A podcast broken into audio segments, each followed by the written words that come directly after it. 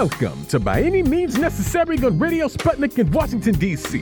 I'm your host, Sean Blackmon, here with Jacquie Luqman. And as always, we are your guide for connecting the political, social, and economic movements shaping the world around us. And today on By Any Means Necessary, we'll be talking about a proposed cop city in Baltimore, Maryland also, going to be discussing the ongoing struggle against uh, neo colonialism in West Africa.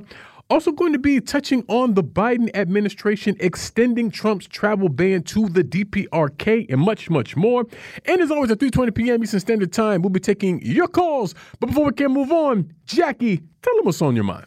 A bit of good news for our listeners today. A federal judge has determined that Rudy Giuliani has lost a defamation lawsuit from two Georgia election workers against him after he failed to provide information sought in subpoenas. The decision could lead to significant penalties for the former Donald Trump attorney.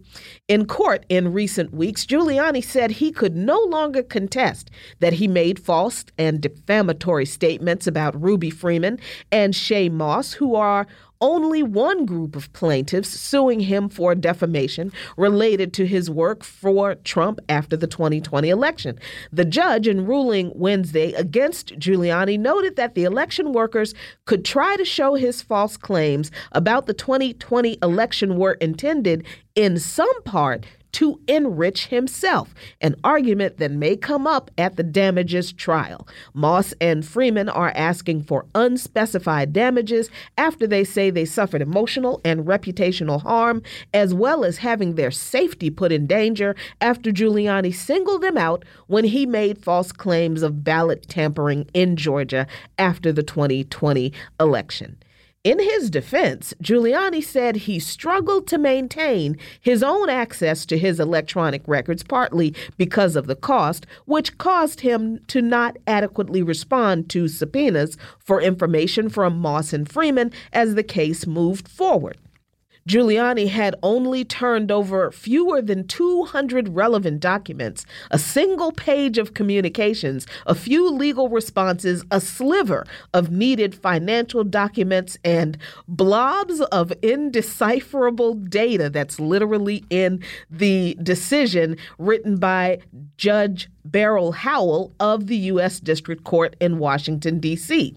Giuliani had claimed that the FBI seizure of his electronic devices years ago had complicated his ability to access his records and that he had struggled under pricey legal fees. But Judge Howell said he could have taken steps at an earlier point to keep his records in case litigation arose in the future. Perhaps he has made the calculation that his overall litigation risks are minimized by not complying with his discovery obligations in this case. Whatever the reason, obligations are case specific, and withholding required discovery in this case has consequences, the judge said. The judge also noted that while Giuliani complained to the court that he was buried in litigation costs, he was able to get Trump's reimbursement for his electronic legal debts, listed his Manhattan co op apartment for $6.9 million, and traveled on a private plane to report to jail for processing in Fulton County, Georgia, just last week. Judge Howell also noted that Giuliani's decades of experience as a lawyer, including as the top federal prosecutor in Manhattan, underscored his lackluster preservation efforts. Giuliani has submitted declarations with concessions turned slippery on scrutiny and excuses designed to shroud the insufficiency of his discovery compliance. The bottom line is that Giuliani has refused to comply with his discovery obligations and thwarted plaintiffs Ruby Freeman and Wandrea ArShaye Moss's procedural rights to obtain any meaningful discovery in this case. Judge Howell wrote in a scathing 57 page opinion ruling. The judge also said donning a cloak of victimization may play well on a public stage to certain audiences, but in a court of law, this performance has served only to subvert the normal process of discovery in a straightforward defamation case with the concomitant necessity of repeated court intervention. A trial to determine the amount of damages for which Giuliani will be held liable will be set for later this year or early 2024, the judge said, and the damages could amount to thousands, if not millions of dollars. Let's all hope for millions, shall we? Good thing Giuliani just put his Manhattan apartment up for sale for $6.9 million. He's going to need that money to pay those women. He's already been sanctioned almost $90,000 for Freeman and Moss's attorney's fees in the case, and Howell says that the former New York mayor may be saddled with additional similar sanctions. In a statement, Moss and Freeman expressed gratitude for Howell's ruling saying, What we went through after the 2020 election was a living nightmare. Rudy Giuliani helped unleash a wave of hatred and threats we never could have imagined. It cost us our sense of security and our freedom to go about our lives. Nothing can restore all we lost, but today's ruling is yet another neutral finding that has confirmed what we have known all along that there was never any truth to any of the accusations about us and that we did nothing wrong. Shaye Moss added that she and her mother were afraid to go outside or to the supermarket after getting threats, quote, wishing death upon me, telling me that, you know, I'll be in jail with my mother, and saying things like, be glad it's 2020 and not 1920. But it's a good thing white supremacy is as rare as a unicorn in this country these days, right? Follow Luqman Mon Nation on patreon.com slash Luqman Nation for lots of great content. those are today's talking points, and you are listening to By Any Means Necessary on Radio Sputnik in Washington, D.C.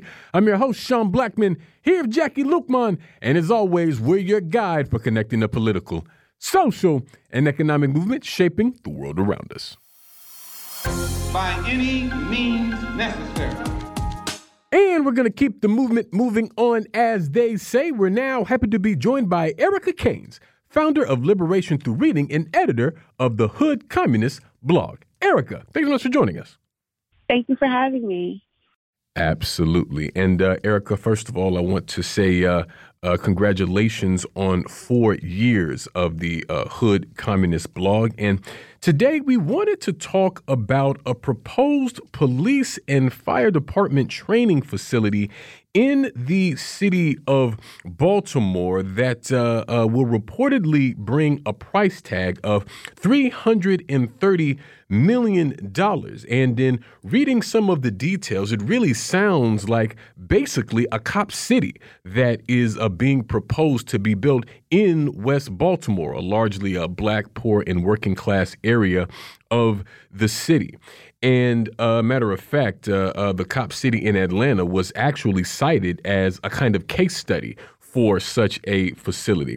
Now, according to the Baltimore Banner, uh, the mayor's office said that the proposals, quote, remain in a very conceptual phase with initial feasibility studies just beginning to be assessed. The city is confronted with a number of serious challenges with its training facilities for both the police and fire departments, and as is required by the consent decree, we are continuing to look at the innovative ways to address them and upgrade facilities. And so, Erica, as a Baltimore based organizer, I mean, what do you make of this uh, proposed cop city in uh, uh, Baltimore, and uh, what do you think may be some of the potential ripple effects?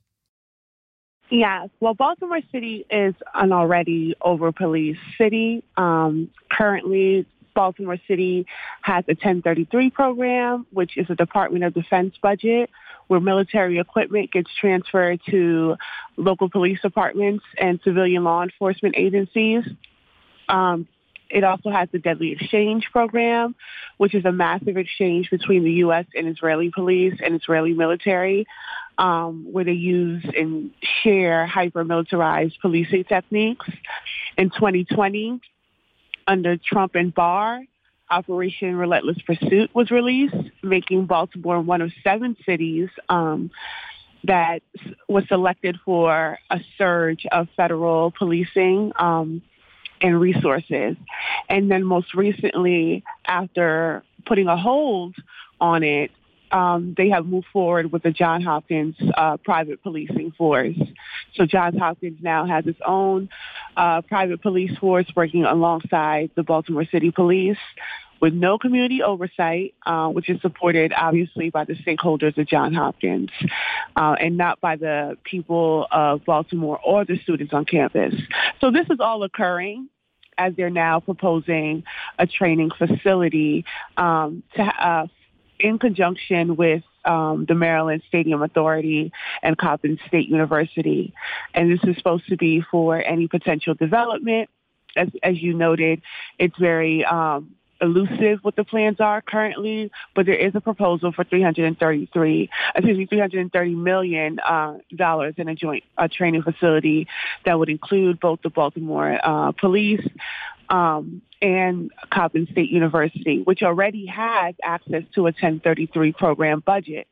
And as you noted, West Baltimore this is also where Freddie Gray was murdered, is a very concentrated working class um, poor black area. So for them to want to do this only speaks to not just the over policing of the city, but just in how occupied and colonized uh, the poor working class residents of the city are. And Erica, how long has this uh, project uh, called the Coppin Project uh, actually been uh, discussed? And what do you think was the the specific impetus that caused those people who are who have been planning this to uh, pull the tr- pull the trigger pun entirely intended on uh, formalizing this at this moment? Yeah, I believe the Baltimore Banner notes that Nick Mosby, who is the city council president, um, and husband to Marilyn Mosby, if those of uh, your listeners remember the case of Keith Davis Jr., um, they have, he has been said to have championed this project for over a decade or close to a decade. Um, so this has, I guess, been, uh, I guess, his um, one of his legacy projects, if you will. Uh, he's been pushing it as such. And then in 2020, um, because of the uprisings, and, and you you see a lot of the pushback and pullback of not only the funding, but a lot of these initiatives. Uh, because it looks like the way that things are being rolled out, especially the Hopkins private police force and now this training facility, these were all plans in the works. Um, in 2020 and the uprising sort of halted it. But now I feel like they believe, uh, because things are a lot settled, um, that the smoke is cleared and they can go ahead and push this because this aligns with the the um, narrative of rise in crime, even though on paper uh, it's not aligning. Um, and I and I like to make this point quickly especially in terms of like what's happening in Haiti, uh, where we see that, you know, the, the rise in gang violence and all of that being used as a point to further occupy Haiti. We are seeing that in cities like Baltimore, in cities like Atlanta, um, which has always been said to be the first of many because Charlotte, North Carolina has already proposed something similar. Jersey has already proposed something similar. Not too far down the road from where they are doing Cop City in Atlanta, they have proposed something similar. Um, so Baltimore is just another extension of that. And they're using the narrative of rising crime to further occupy. And so I think that now that they feel that they have um, at least took on the language of defunding the police, they have set the people the masses up to be, or to at least normalize the conversation around um, police trainings. Well, I think that's noteworthy because it sounds like you're saying that uh, the city, Baltimore, is basically co opting uh, a language from the progressive movement to try to justify uh, a militarized police uh, training facility. Is that right? Absolutely, um, especially when you can see that with the mayor, right? A lot of the um, acceptance and praise of the mayor is because he's like like one of us, uh, quote unquote, um, because of the way that he speaks, his afro, of course. Um, but he is lock in step with a lot of these policies and initiatives, especially when in terms of over policing and underfunding uh, Baltimore City. So they have um, they have done exactly that, co-opted the language um, to normalize a lot of these things, a lot of these initiatives.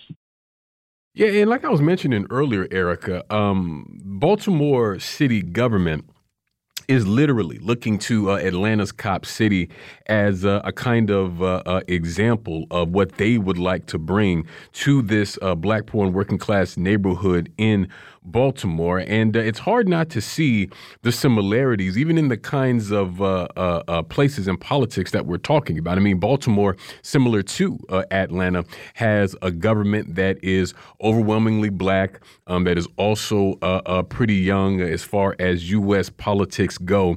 And I think because of that, they both, and I mean, I, we could probably throw in uh, DC in that uh, uh, sort of similar uh, equation, um, th- eh, eh, that these cities have these types of local governments. And as a result, they have this kind of unearned uh, image of being a quote unquote progressive. And that I think is hard to justify given uh, what these facilities are clearly in place to do and uh, the segment of the population that will obviously be affected by this. You know what I mean? Yes, certainly. And I think what also needs to be highlighted is that the city, um, like all of the cities that are part of uh, Operation Relentless Pursuit, um, is under a consent decree where the DOJ, the Department of Justice, has found that Baltimore City Police have violated consistently the First, Fourth, and Fourteenth Amendments of the U.S. Constitution, and they have given specific provisions um, because of the tumultuous relationship between the Baltimore City Police and the residents of Baltimore City. And the consent decree, even with those provisions, of uh, under federal statutory law has done nothing to change that relationship of power, um, and it has nothing to quell the narratives or to tone down the narrative of rising crime that is still very prominent. And even after um, the city council had agreed to um, not fund policing because of the aftermath of the 2020 uprisings, we have seen that they were also lock in step with Hogan's Fund the Police tour of Maryland. Um, there was no real pushback against that. I think what uh, cities that have black misleadership classes like Atlanta and like Baltimore have been able to do successfully because these dynamics does, do exist is point to the overt racism that they're facing um, as people in leadership and as people in power. But what that does do is sort of keep blinders on for residents who do not, who are unable to look past that, to look at the exact policies that they're passing um, that are not in any way dissimilar from the policies that the racists um, that they are complaining about want to see happen. So they're not even really breaking away from that. A cop city especially um, now that University of Baltimore has ownership of Cotton State of Coppin State, and it is in West Baltimore, and they are attempting to change at least that area uh, or that part of West Baltimore. Or, uh, they are attempting to change it. We have to be acutely aware of what what the role of these black politicians has been. Um, they do not care, essentially, um, about what's happening to the poor working class. Um, they are very protective of a particular black elite who would not push back against any of this. Yeah, and there has been a study commissioned uh, and actually completed uh, uh, that basically mapped out what the Coppin project would look like. And uh, a top Baltimore police official called it a tactical village instead of calling it Cop City, uh, obviously not wanting to publicly draw comparisons to uh, the project in Atlanta. But what would this facility look like uh, and, and uh, include that came from this study that makes it exactly what we are calling it another Cop City, Erica? Yeah, I know that they are talking about um, you know, developing multiple preliminary site diagrams. Um, so the layout, um, what they're trying to do or what they're trying to accomplish, it does pretty much mirror a, a village or another um, like a campus within a campus, I, I believe. It is intended to be big, um, and they are trying to integrate, I believe, like the crime prevention through environmental design, those concepts. Uh, if you didn't know that was a thing, that's a thing. Um, so they are trying to integrate that. Again, I, I think that the language around these things um, makes it easier to swallow.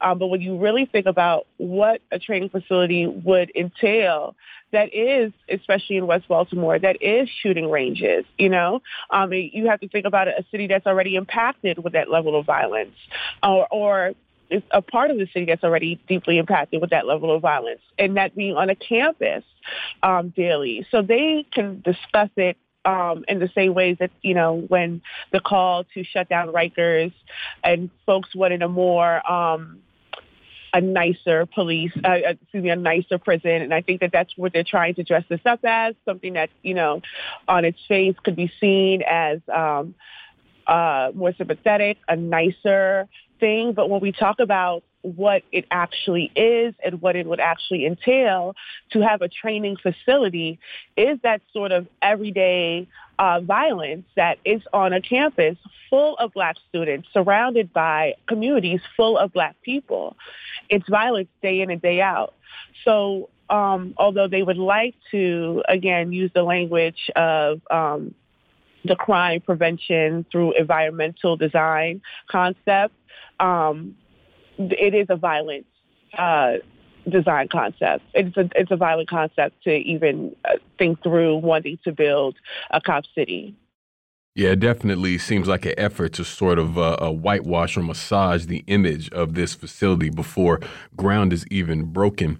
And uh, a last question, Erica, because when we look at the ongoing struggle against uh, Cop City in Atlanta, uh, with all of the attempts from uh, local leadership to try to scuttle that effort, um, we've seen solidarity actions around the country for Cop City in Atlanta, with the thinking being that these facilities could very easily uh, uh, be seen all across the U.S. And I think that this proposed uh, Cop City in Baltimore is sort of evidence of that. And so my question to you is: is why do you think at this juncture it seems that uh, we're seeing an uptick?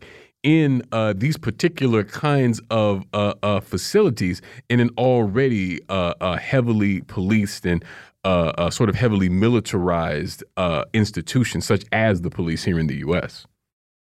Well, I know it's it's in terms of how that Baltimore speaks about at least the militarization of Baltimore City, because as I noted earlier, it is a very over-policed city. Um, we understand that police are used to enforce the status quo of uh, white supremacist power um, and colonial control over the lives of black, brown, and other oppressed nations of people. So police are called to colonize communities of all oppressed folks to carry out the standard imperialist orders um, if we understand um, global and domestic imperialism as counterparts. So they have every intent to do more harm on behalf of the state than actually serve any positive purpose. And so with understanding that, we when we think through before 2020, there was already talks of simulations, right, of how to quail or, or put down um, uh, protests and, and quote unquote riots following, you know, Mike Brown and um, and Baltimore especially. Um, so they were already looking to figure out how do we stop people's discontent from taking, you know, from them taking to the streets. And we look at the increase of austerity policies, um, the increase of housing uh, negligence, like, you know, healthcare negligence. There's no people-centered human rights in this country. Um, that is going to spark organizing uh, and mobilizing against the state. So I think these, what these training facilities are doing they are intended to set up um, set up ways to sort of circumvent or stop or smash that entirely. So even though the rise in, there is no real rise in crime um, across the nation, even though we're seeing pockets of crime, um, you know, as spectacle on the news. Uh, there's no true rise in crime. It, but we are seeing a rise in the increase of funding. I think LA just pushed for something in the billions um, around policing. Uh, New York City has has shown they now have a RoboCop police dog. Um, so there are all these different initiatives, but I think it's all within the intent of keeping uh, people, unoppressed people, a colonized people, um, maintaining within the status quo and not breaking from it. Definitely. Well, we thank you so much, Erica, for joining us today. We're going to leave it there. We'll move to a break here on By Any Means Necessary on Radio Sputnik in Washington, D.C. We'll be right back, so please stay with us. By any means necessary.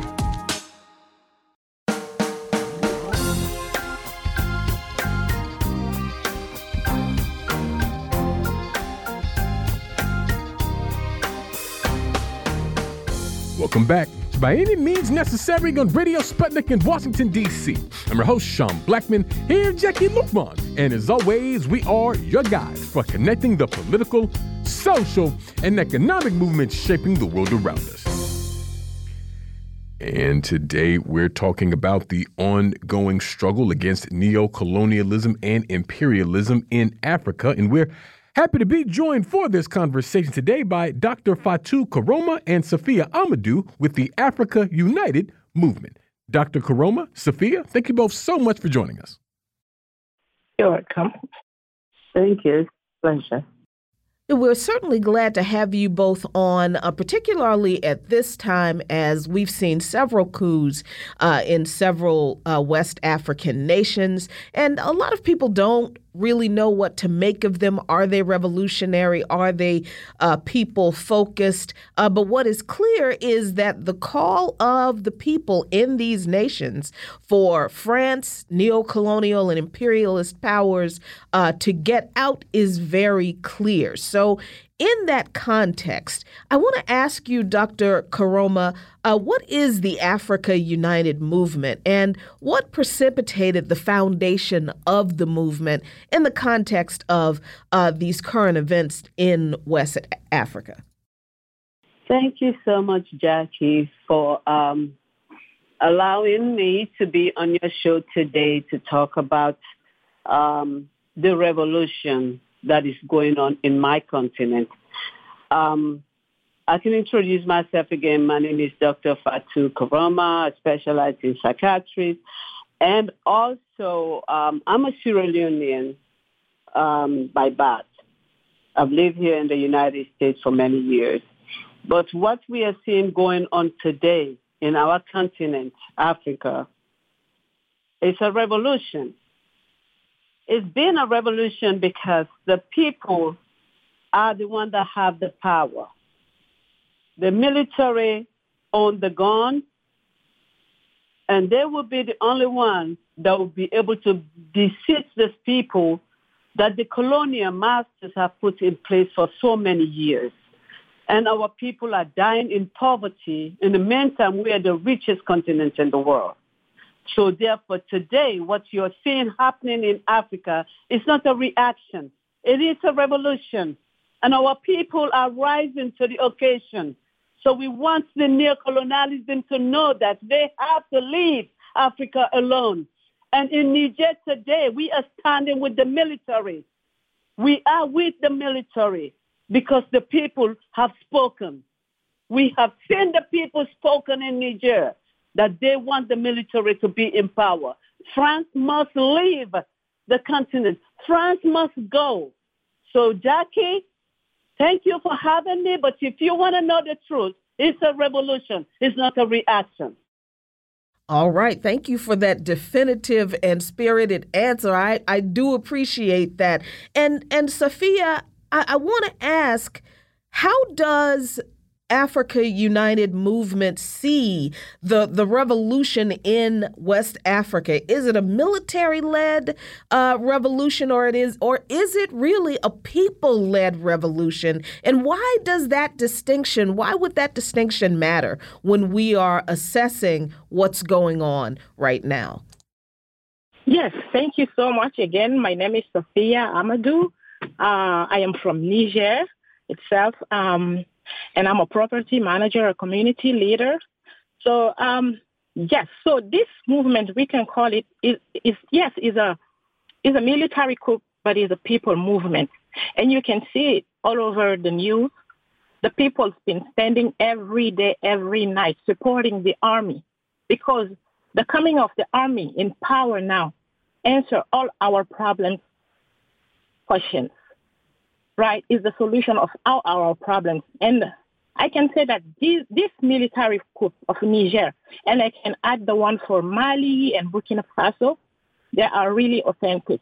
They are a people coup because we can see the action they've been taking since they came in power. That's less than two months ago. And Mali, a year or two so, and Burkina, same thing. They've been taking action that are in alignment of our organization uh, uh, of uh, United Africa. So we want to cut all the ties with the colonialism, all the historical agreements, and we can see these armies, uh, people, they've been sending a notification to, like, for example, France to cancel all the historical agreements, you know, economical and military. So, for example, I can give an example. Saturday is the deadline for the French uh, army to leave Niger. Right. So it's a people coup. It's a people movement. Yes. Definitely. And uh, Dr. Koroma, uh, the Africa United movement uh, is basically a group of uh, uh, diasporan Africans uh, who may hail from different parts of the continent, sort of based here in the U.S. And I wanted to ask, from your perspective, why do you see it as important for Africans inside the United States to uh, uh, sort of ring the alarm and, and organize around what's happening uh, in the Sahel, what's happening across West Africa, and to uh, make the statement that uh, you know neo-colonialism needs to end. Thank you for that question. Um, it is important for the Africans in in the United States and the diaspora as a whole to unite and come out together. As a matter of fact, we have a protest on the 2nd of September, which will be taking place in front of the French embassy, where we're going to ask them to leave Niger and to get out of the continent as a whole. So it is important for the Africans to unite and come together because Africa belongs to Africans. That is our continent. We want all our brothers and sisters, the African Americans, the Asians, Caribbeans. Africa belongs to the Africans. We must come together in unity. These white folks, these Europeans, I have, they have united together to betray us and enslave us and enslave our mind and divide us brought their languages into our continent so they can use it to divide us and rule us. So now, as Africans are uniting together, we need to break that bond that we have with these people. They are no good to us. Africa must unite on one thing to free our continent. We must come together as Africa. It's important to stand with the Kurds, with the, with the juntas, with our militaries that are freeing our continent. So we are calling upon all the Africans in the diaspora, in the United States, wherever you are, please come out on the second so we can tell the French to leave Niger and tell ECOWAS not to join the proxy war upon our people. They've done this before. They did it in slavery. Please, we are calling on ECOWAS not to kill our people. Our people and your brothers and sisters. Do not let France use you to kill your people just the same way they used you 400 years ago to sell your own people into slavery. Now they're coming back to use you in another form. We are denouncing ECOWAS to get their step together and know that Niger is their brothers and sisters and they must not go to war. They need to unite with the military and we, we, we are not saying the military is what we want to run our countries. But if they are the ones that have the power today, to unseat these puppets presidents that France Macron put in place so they can take all our resources and leave us in abject poverty. We are standing with the military until our continent is free. The military is the people that choose them and we are with them and we call on all Africans. I am all the way from West Africa, but Africa is my country, it's my continent. Absolutely. And uh, Safia, Dr. Koroma just mentioned uh, ECOWAS. And uh, speaking, of course, of the Economic Community of West African States, and that's an organization that we usually don't hear a ton about here in the U.S. and the West. But of course, because of the developments in Niger and in the Sahel, we're hearing more and more about ECOWAS. And if we look at the uh, military governments that have uh, sort of swept across the region over the last few years, there is almost always this uh, condemnation and sanctions and sometimes suspension from uh, ECOWAS of these different countries. And I want to know why you think that is. Really, I'm asking, what do you see as the role of ECOWAS on the continent and why their actions seem to uh, uh, be so close to the uh, desires of uh, the former colonial powers? Yes. Honestly, ECOWAS is not there to serve Africans. They're there, as you said, and I'm going to emphasize on it, is to serve the colonial powers. They never intervene when an African country is in trouble, like my country in Niger. There is ongoing rebellion going on for terrorism going for the past 10 years, 11 to 12. But ECOWAS never intervened to help us. People have been killing every day. Nobody talk about that. But all of a sudden, we have a military coup, a legit military coup. Then ECOWAS come in the scene. As you say, nobody hear about them. Nobody know them, but here are they in the scene trying to bring back what they say uh, constitutional order. No. ECOWAS is there to serve the colonial power. They never intervene when it comes to help an African country. So that's the problem. And we have other military coups. ECOWAS doesn't intervene because they're not legit coups.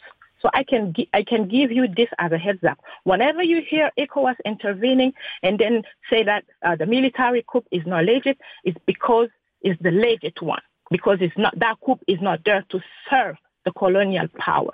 So basically, ECOWAS is there just to serve the colonial power, and we don't want it, and we don't want to even be part of it. I'm not talking on behalf of my whole country, but that's where we're leading to because now everything makes sense everything. There's been so many series of coup and different events, same event, but then ECOWAS or the colonial power condemn them, and some they find them legit.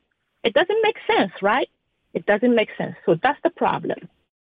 Absolutely. And Dr. Koroma, you know, the question of uh, imperialism and neocolonialism obviously is something that is clear in the the minds and the actions of the people as they are demanding that France be uh, uh, kicked out, that France leave uh, uh, their countries and the continent. But there's also the larger question, I think, of the United States, the imperialism of the United States, because we understand that France is not acting alone. Uh, they have their imperial imperial bosses, the U.S. Where does the uh, relationship with these countries and the U.S. lie in this conflict between? Between African nations and their struggle uh, to free themselves from imperialist domination? Thank you so much, Jacquie. Um, the United States has always been hypocritical. This is the country that call themselves that they are the police of the world, that they are the country of freedom. They are the ones that are hiding behind France. They have the biggest drone farm in, um, in, in Niger. Nobody heard about them until the coup. They are the ones supporting France everywhere. They are the big brother to France. The United States should be uh, careful the way they are carrying businesses with France. They are with France and they are misusing and abusing our people. United States must come out. I see uh, um, Blinken is crying all over the place, talking about uh, Bazoum. He should be ashamed of himself. They have taken all over Africa. We know who they are by the way they talk and by the way they go about doing business in Africa. United States is the biggest, big, hypocritical big brother following France behind and helping them to loot our continent. And they are not denouncing that. For example, when uh, uh, uh Israel, uh, uh, Idris died in, in Chad when he was killed, Macron put on his mask during the coronavirus and they did a coup d'etat on our people in Chad. They put Idris' son there, Mohammed Kaka Idris. He is the president, a military 30-something uh, year old. France did that. ECOWAS did not denounce that coup. Why is ECOWAS denouncing the legitimate coup, like my sister uh, uh, said, that this is a legitimate coup? It was long overdue. And now France is, um, uh, ECOWAS and the United States are just in the throat of our military brothers and sisters that are trying to free our continent. The United States is the biggest hypocrite of the world that give money to people. You have dictators all over the world. That place like uh, Uganda, that's the people. Museveni has been in power for 40 years. Museveni has killed so many people. The United States keep giving them billions of dollars and training their military to continue to kill our brothers and sisters in Uganda. I am calling upon the United States to get out of Africa, to leave our people alone, leave our continent alone. Shame on you. Shame on you, the United States. Stop covering up for France. Free our continent. Thank you so much, my sister. Absolutely. And lastly, Dr. Koroma, a little earlier, you talked about um, a demonstration, a rally that's being held this weekend in D.C. around just these issues. So uh, before we go, I was hoping you could just tell our listeners again if they want to attend that rally, uh, when and where that will be. Yes, thank you so much. That rally will take place in front of the French embassy. Um, we have the Black Alliance uh, for Peace is itself a condition. They will be there. Those are one of the organizations, the African People Revolution Party, and uh, we also have uh, invited other organizations that will be there, the Socialist and Liberation Party, and we have uh, the, the, the Code Pink and Claudia Jones and the School for Political Education. We um, we also have to confirm more other groups that will be there. But we will be there. We uh, expect the 80 American team. They will also be there with us in attendance. So it's going to be on the 2nd of September. That is the deadline that we give to France to get out of Niger. So we are calling upon all our brothers and sisters, African Americans, Haiti, Caribbean, the African diaspora, we, whatever your color is brown, please come over and let us fight together to free the country, the motherland. Absolutely. Well, we thank you both so much for joining us today. We're going to leave it there and move to a break here on By Any Means Necessary on Radio Sputnik in Washington, D.C. We'll be right back, so please stay with us. By any means necessary.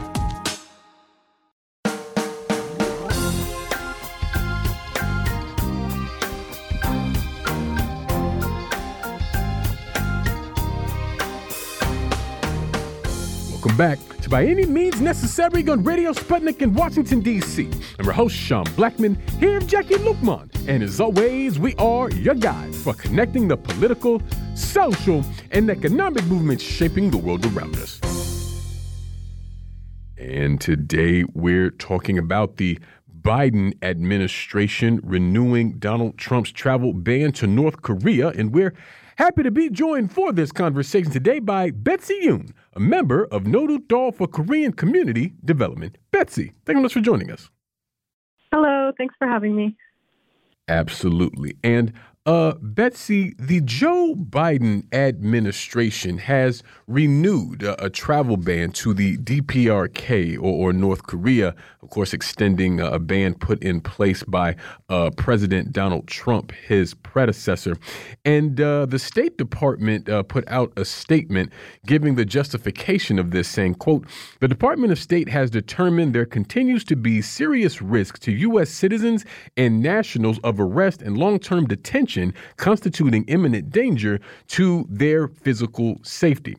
And so I was hoping you could sort of break down uh, uh, how are you sort of analyzing this uh, extended ban from the Biden administration? And do you think that there's any substance to this claim that there is some kind of real threat to American citizens in the DPRK uh, because of the country's ballistic and uh, nuclear capabilities?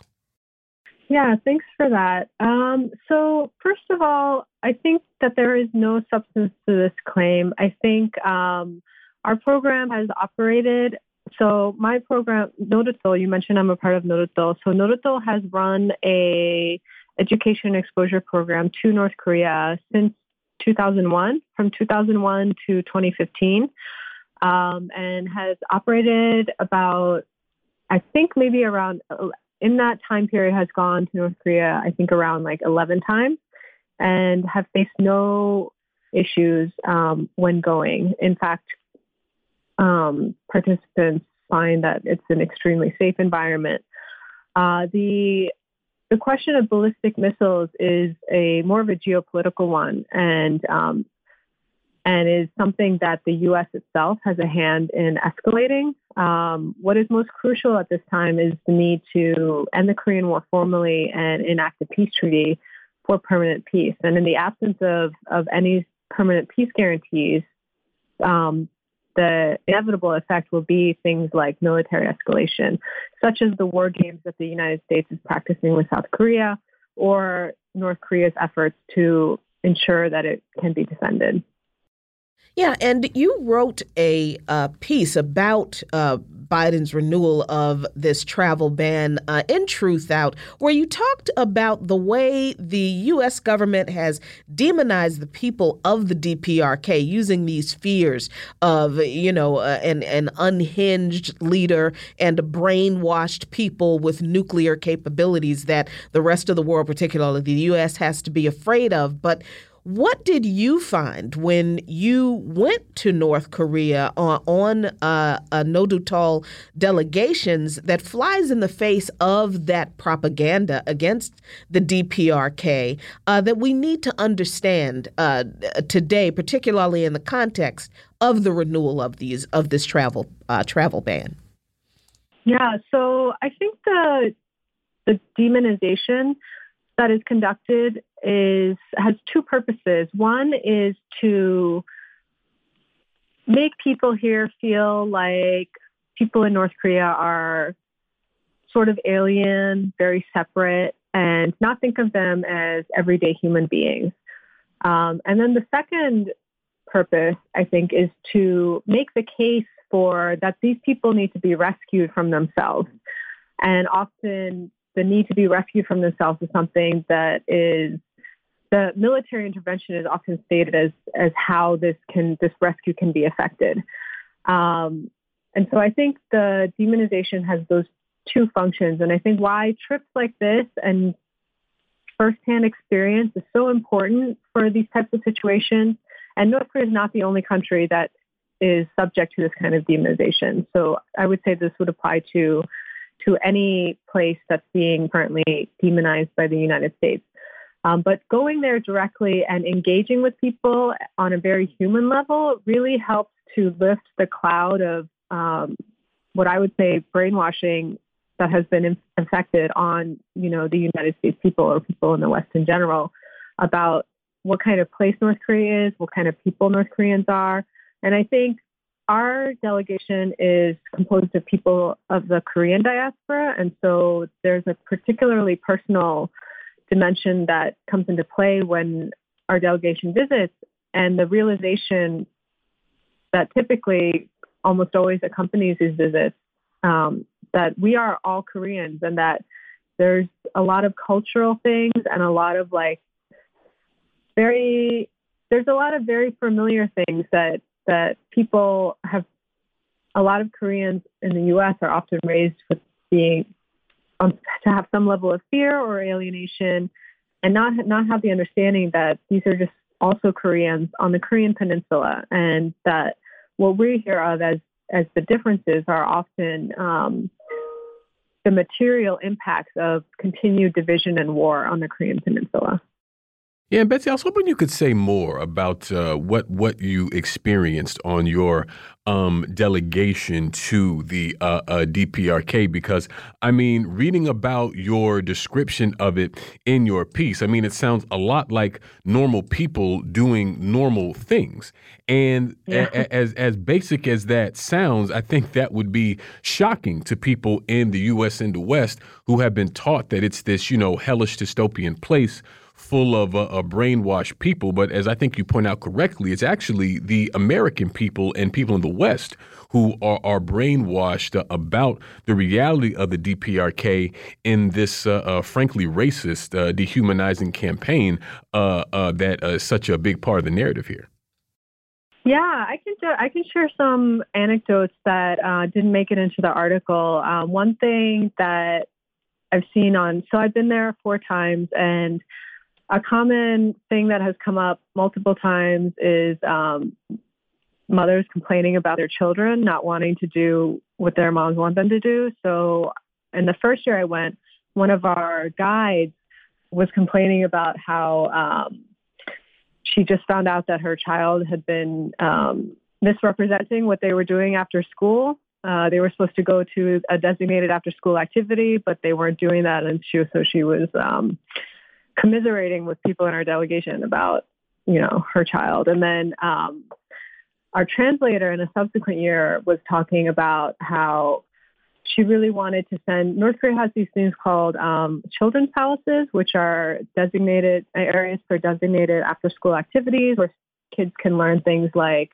There's a whole range of things that kids can learn, and it's according to whatever your interests are. So there's like ballet, there's art, there's computing. There's a lot. It's like a whole a whole bunch of things. Um, and these are state sponsored, and you'll note that we don't have anything like that here comparable in the U.S. But anyway, so the mom wanted her, the translator wanted her child to go to their local children's palace and like develop their skills in XYZ, but their kid just wanted to stay home and like play video games. And so she was lamenting, you know, her, I guess, her desires for her child and how they were conflicting. And I think those two are those are like two examples of like very normal things that I think a lot of people can relate to wherever you're from. And um,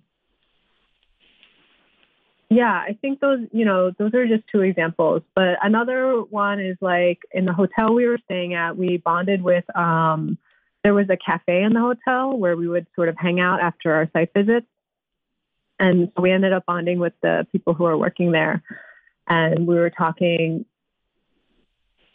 to them just about their lives and their, you know, telling them about our experiences and, and what they were doing. And one of them was like in school. So they would often have their school books with them while they were, um, while they were studying, uh, while they were working there and they would, you know, be studying for their next class or whatever. And we talked about oh, what kind of person are you interested in, like romantically? And they were like, I want someone who has like strong revolutionary commitment. And um, I think we heard that also at a farm that we went to where we talked to some of the youth league workers there. So I think these site visits, uh, this trip delegation just really offers an opportunity to like talk to people about very mundane things, whether it's their romantic interests or, you know, problems in their families. Um, and just really demonstrates how a lot of what we hear that makes us think that people in another location are somewhat less than human is just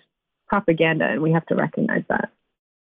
Absolutely. And a moment ago, Betsy, you talked about how this delegation was comprised of people from the uh, Korean diaspora. And this is a broad question, but but I was hoping you could say more about sort of the uh, significance of that, because I would have to imagine that these narratives about uh, the DPRK have a particular impact on the Korean diaspora.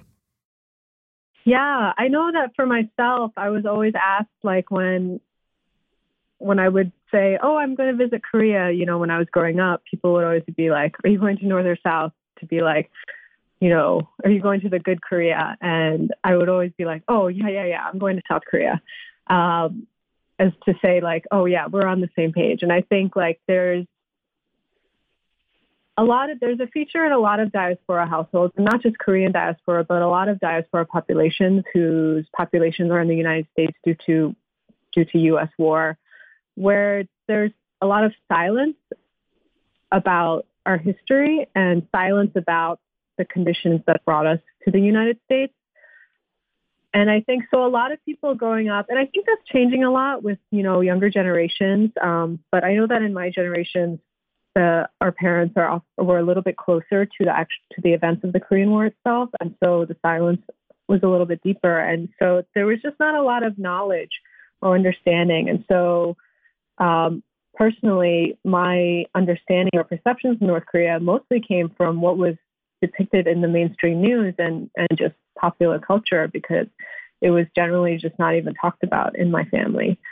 And I know that um, we have had past delegations and our, even our, our last delegation that we were able to do in 2015 where people were able to reunite with their with family members um, that they had never met. So in 2015, I believe um, one of our participants was able to meet one of their uncles. I think the first trip um, that we did in 2001, a participant was able to meet up with their family members. So there's definitely like a personal dimension to our particular visits. Yeah. And Betsy, if there was one thing that you feel like the people in the U.S. and the West should understand about the reality of what it's like in the DPRK and, and how it's just so different from how it's portrayed, uh, what do you think that would be? So you said one thing, but I'm going to say two things. One thing is that North Korea is a country just like any other country in the sense that the people, it's portrayed as being there's this government that's really repressive and then like a complete division between the people. But the people of North Korea are the same people who populate the government. And so it's not quite an easy division to say, like, we need to save North Koreans from the government. And people in North Korea have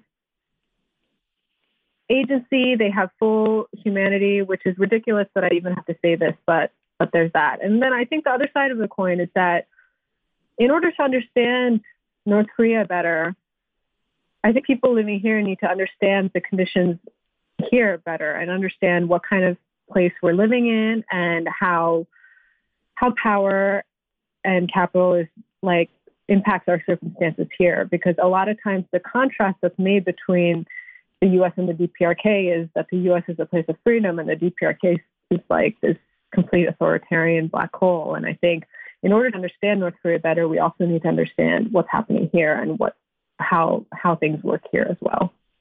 Absolutely. Well, we want to thank you so much, Betsy, for joining us today. We're going to leave it there and move to a break here on By Any Means Necessary on Radio Sputnik in Washington, D.C. We'll be right back, so please stay with us by any means necessary.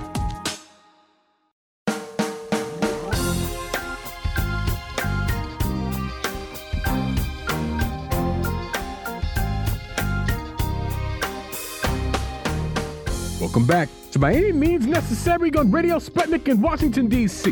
I'm your host, Sean Blackmon, here with Jacquie Luqman. And as always, we are your guide for connecting the political, social, and economic movements shaping the world around us.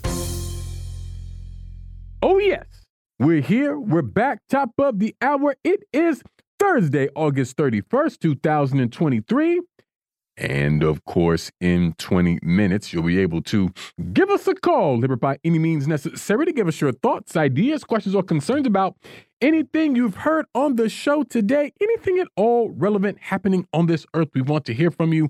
But it's not the only way that folks can get in touch with us here on the show. And if you would, please, Jacquie, let the folks know how they can holler at us. That's right, Sean. There are so many ways for our allies, accomplices, and comrades, that's y'all, to reach out and touch us here at By Any Means Necessary in Washington, D.C. You can do that at 3.20 p.m. Eastern Time by calling us at 202-521-1320. That's 202-521-1320. But you can also listen to our show live on your radio dial at 105.5 FM and 1390 AM in the Washington, D.C. area from 2 to 4 p.m. Eastern Time. That's the whole show, folks.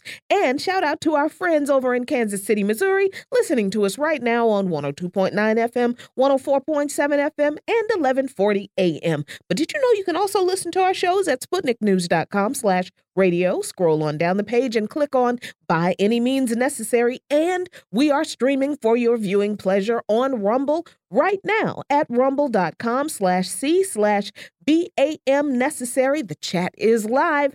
And remember, friends, at 3.20 p.m. Eastern today, you can call us at 202-521-1320. That's 202-521-1320. But wherever you are in this world and however you do it, we want to hear from you. We most certainly do. We most certainly do. And uh, at the top of the hour today, the Capitol's attending physician has released a statement today uh, saying that Senator Minority Leader Mitch McConnell is clear to go back to work after uh, another episode of him, uh, you know, freezing up in a uh, public address Recently, uh, Dr. Brian P. Monahan said that, you know, he had consulted with Mitch McConnell and had also spoken with his neurology team and uh, informed him that he had been medically cleared to go on with his schedule as normal, saying, quote, after evaluating yesterday's incident, I have informed Leader McConnell that he is medically cleared to continue with his schedule as planned.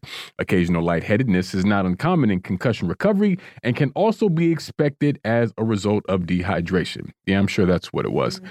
And uh, this whole issue, um, of course, took place in Kentucky.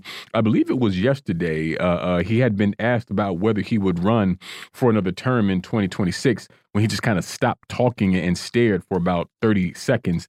Uh, some aides uh, approached him while he was at the podium with uh, one of the aides telling reporters that, you know, they needed a minute. And of course, this similar thing happened not that long ago. So just wanted to update you all on the condition of Mitch McConnell because I know you are very, very concerned about his condition. But be that as it may, we're happy to be joined for the hour today by Jon Jeter, award winning journalist and foreign correspondent, radio and television producer, bluesologist and decolonizer, and author of the book Flat Broke in the Flea Market How Globalization Fleeced Working People. Jon, thanks so much for joining us.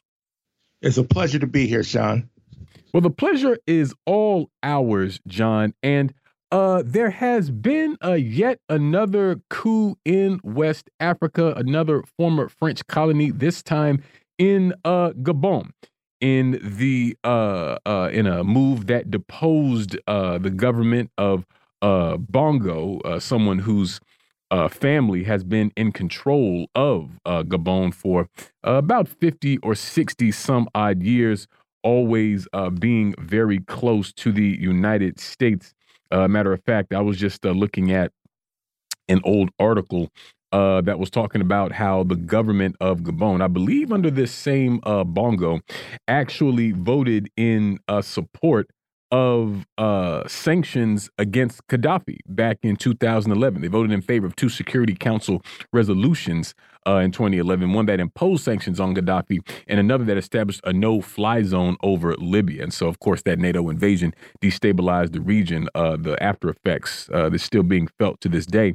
But uh, I'm wondering what you make of this, Jon, as the uh, sort of anti French uh, sentiment continues to uh, spread across uh, West Africa in France's former colonies, all seemingly sort of uh, uh, happening under somewhat similar conditions, uh, similar lines, and things like this. So, how are you seeing it? I, I'm seeing it. I, I am. This may be wishful thinking, I will admit, but I'm seeing it as the beginning of a long overdue decolonizing moment in Africa that, that's beginning uh, in the Sahel region. Uh, Gabon might be actually adjacent to the Sahel, but uh, Niger is in the Sahel region.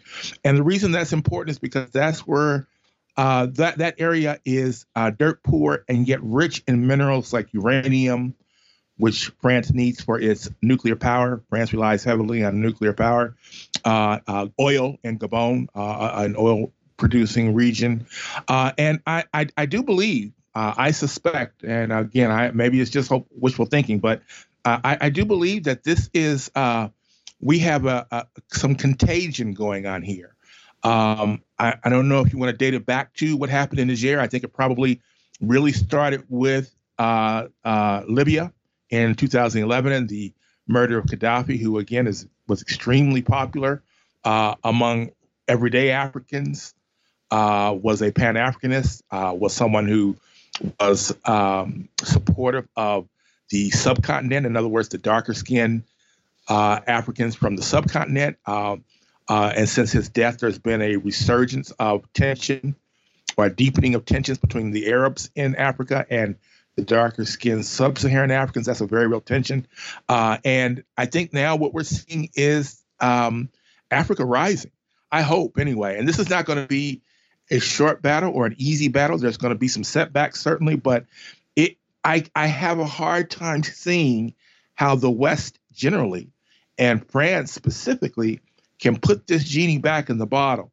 Uh, I just think Niger was the spark, uh, and I don't think there's any going back from this point. I don't think. Yeah, there have been some, or at least one interesting update since the uh, uh coup in Gabon, and that is apparently the military officials have found bags and suitcases of various banknotes in the home of uh, the uh, chief of staff to Noureddin Bongo, who is the eldest son of the deposed President Bongo.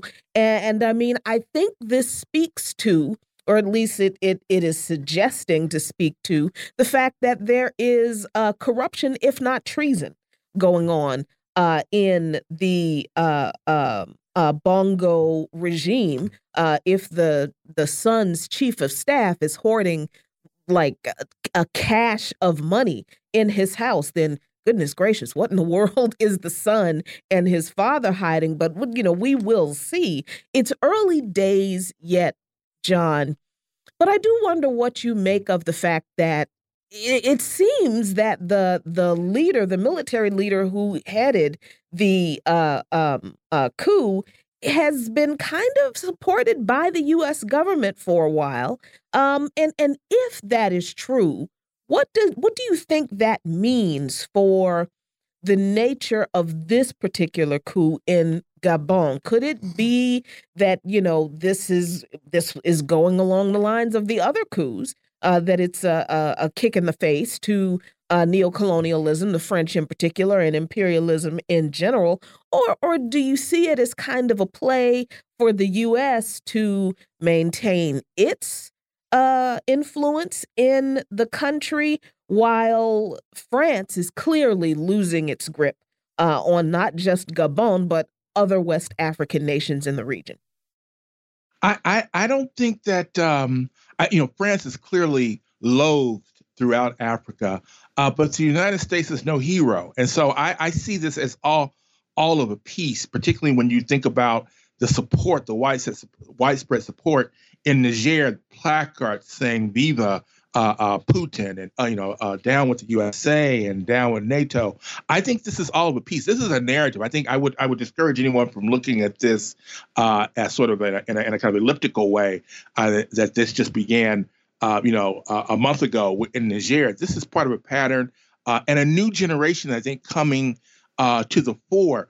Um, if you really look at um, the last 20 years, especially what we've had, what's different now is that we've had AFRICOM, which emerged after uh, 9 11, which militarized um, uh, Africa. You know, for, for all of its colonial dirty dealing, the United States never really, never really had much of a military presence in Africa. Uh, and since um, 9/11, AFRICOM has exponentially increased the number of military bases uh, in in um, in Africa. And I think what it's done is very similar to uh, World War II, right? When you had all of these African countries and African soldiers who participated in the war, particularly in the North, and they uh, uh, uh, exited the war with this sort of newfound fervor for revolution and freedom. Well, if we can help uh, we can help the West uh, free itself from the Nazis, then certainly we can free ourselves from the West. And so I think this is a sort of a uh, the, the the remix of that, right? Where you had AFRICOM sort of militarize Africa and uh, and and really teach it uh, in a lot of ways, teach it how to uh, organize a coup, right? Um, and then you've had the things in Libya that have happened, the overthrow of uh, Muammar Gaddafi, tremendously popular, the uh, resurgence or the emergence of open open air slave markets in Libya as a result, uh, tensions between Arabs and Africans, and so you have. I, and also this new generation. Africa is a very young continent, right? Because people die young. And so I think it's a confluence of all these events where I really do think that you've got, and let me just say this too, because I think it's important. I don't know the history of the junta in Gabon. I know that there was uh, a, a, leader of the junta in Niger who was trained by the United States military, the Pentagon, and I think that uh, speaks to uh, again that sort of World War II narrative where people sort of learn certain skills and certain ideas were implanted uh, by World War II by their participation in World War II. Uh, Gabon, I don't know about this um, leader this junta, this soldier, uh, but you know I, I suspect that uh, even though there are people who have been trained by the United States, by the Pentagon, by AFRICOM, that they're still Africans, right? They still see what's going on. This this what happened with Gaddafi, uh, the ongoing impoverishment of Africans, which is uh, as bad now as it's ever been, even during the colonial period. Uh, I think they're seeing that they have to live in that, and and and so I, I'm guessing, right, that you're going to have this clash of people, um, you know, who are maybe trained by the United States, but they are Africans at heart this was true, you know, um, during the Cold War period. But I think you saw people like Mobutu in uh, um, uh, Congo and uh, um, uh, oh, um, Savimbi, Savimbi in Angola, who became Cold Warriors but loyal to Washington, uh, anti-communist. Uh, I'm not sure you're going to see that now. And I think the signs where uh, people are showing their support for Russia, I think that's very telling. I think that it's very there's a certain clarity that's washed over Africans. And, you know, again, this is not going to be, you know, revolutions are not linear. We're not going to see, you know, Africans take one step forward and one step forward and one step forward. There are going to be some setbacks, but I just think that this this process is probably going to be irreversible at this point. There's going to be some pain involved. There's no question about that. We still don't know what France is going to do to try to reclaim Niger. Um, they're like a uh, they're like a cornered rat. France is right now. So they may lash out, which would be insane, but they might do it. And so we, we have to see what happens. But I just think this process is probably irreversible. It's going to take some time. It's not going to happen tomorrow. Uh, we're still talking about years to go, miles to march, miles to walk. But I, I, I do think we're on the right path here in Africa. Yeah, I mean, for sure, uh, there is uh, no small amount of momentum that we're seeing uh, on the continent in that way. And uh, I think, like with a lot of the new military governments, I'm just sort of interested to see what the political character of, of their leadership will look like. Because in Gabon, at least, you know, based on uh, what I've seen so far, the sentiment, at least amongst the uh, people who do, well, who have sort of supported supported uh, the coup up until this point, it almost seems as though it's more of you know they're they were tired of the excesses of Bongo, like Ali Bongo, the individual, the president, and uh, uh, the family, perhaps more so than necessarily uh, uh the anti French or kind of anti colonial sentiment that we've been seeing in the other countries. Now, I could be wrong about that, but I think that's just one of uh, several questions that uh, remain to be answered. And you raise Niger, I think, quite naturally, Jon. And most recently, we've seen the military leaders ordering the expulsion of uh, France's ambassador, speaking of uh, Sylvain Itté, if I'm pronouncing that correctly, uh, as his visa and the visas of his family have all been uh, uh, canceled.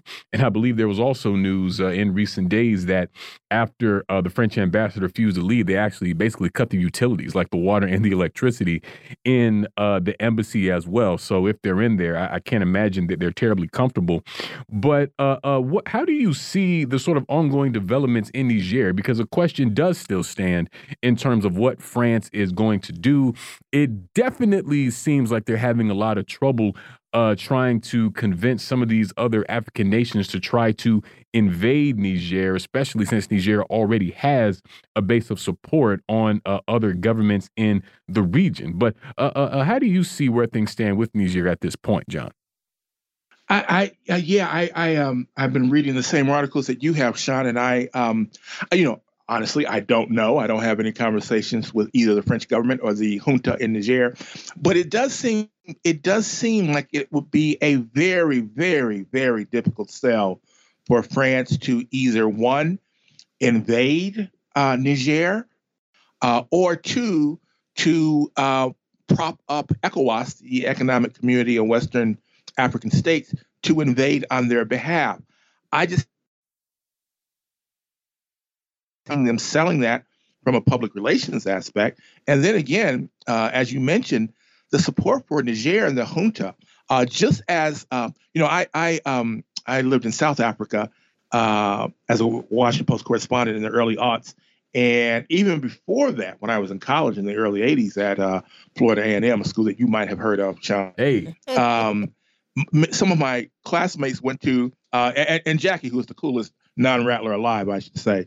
Um, but in, in the early 80s when I was in school, some of my classmates went to Gabon, I believe, for the Peace Corps.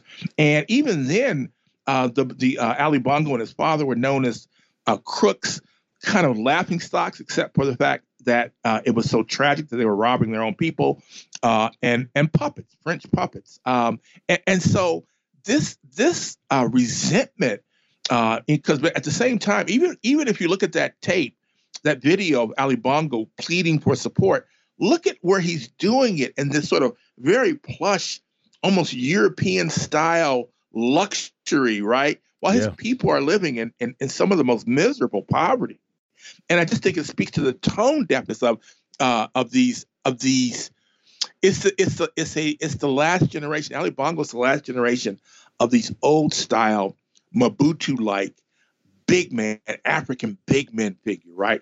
Anti-communist, uh, strong men, um, and and and Western puppets, right? And now we're seeing like this young man in Burkina Faso, Tri- Traore, I think, right, young, under forty, who's who's who's reminding everyone of uh, uh, uh, uh Sankara, of Sankara, right? You've got Julius Malema in uh, South Africa, who's just who takes no prisoners in this fresh out of F's to right? I mean, he just he just speaks a plain. He's even taking on Mandela's legacy. So I, I really think that Niger is uh, almost the hub of this new African revolutionary fervor. I think it's going to be difficult. I, I, am not at all I'm not at all dismissing the possibility that France may try something, uh, may try sort of a, a, some sort of militaristic uh, uh um, gambit to restore Bazoum to power in Niger. But I have a very difficult time seeing them pulling it off and I have an even more difficult time seeing them rounding up uh, support, or or to put it another way, uh, seeing France being able to uh, um, placate uh, the African people and the politicians who are under tremendous pressure from African people to not allow a second Libya. That's the key. They're under a lot of pressure. The African leaders, people like uh, uh, Cyril Ramaphosa, who's very much comfortable with the West, but he just cannot allow another Libya to happen on his watch because his people are watching him and and they're not going to have it.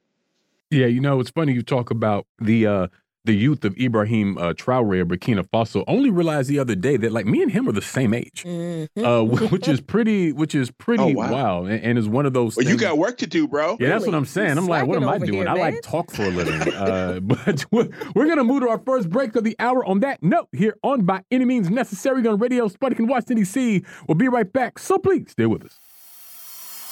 By any means necessary.